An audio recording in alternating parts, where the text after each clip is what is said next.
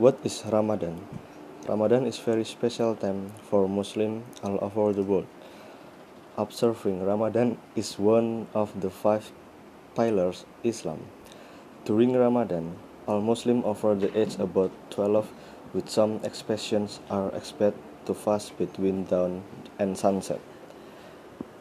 What does it take place? Ramadan is the ninth month of the Islamic calendar, which follow the passage of the moon this means the dates of Ramadan change each year. The month starts when the new crescent moon is first visible in the night sky.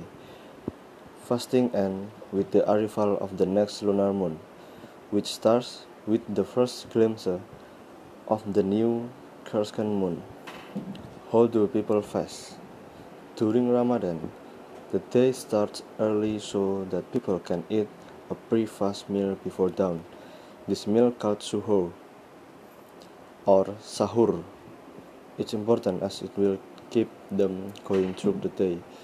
During daylight hours, fasting Muslim cannot eat food or drink water or any other drink.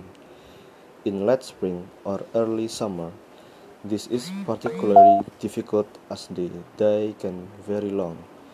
People who live in polar region where daylight can last 22 hours or more can choose to follow the dawn and sunset time in Mecca or nearby country where the sky is dark at night.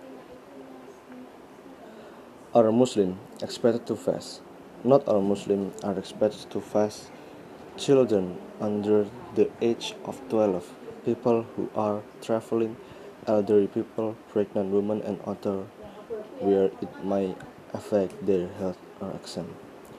Those who can fast for any reason can offer to feed poor people for each day they miss during Ramadan.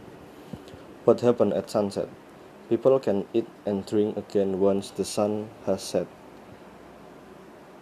The traditional way to break the fast is by eating dates and drinking a glass of water. Then, the evening meal, iftar, is a social event that can go on for hours. It is common for people to eat together in large groups of family and friends. Special foods are prepared and shared, and desserts are, particularly popular.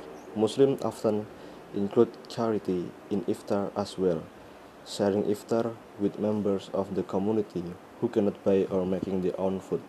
Across the Muslim world, mosques and aid organizations set up tents and tables for the public poor communicates to eat free iftar meals every night of Ramadan.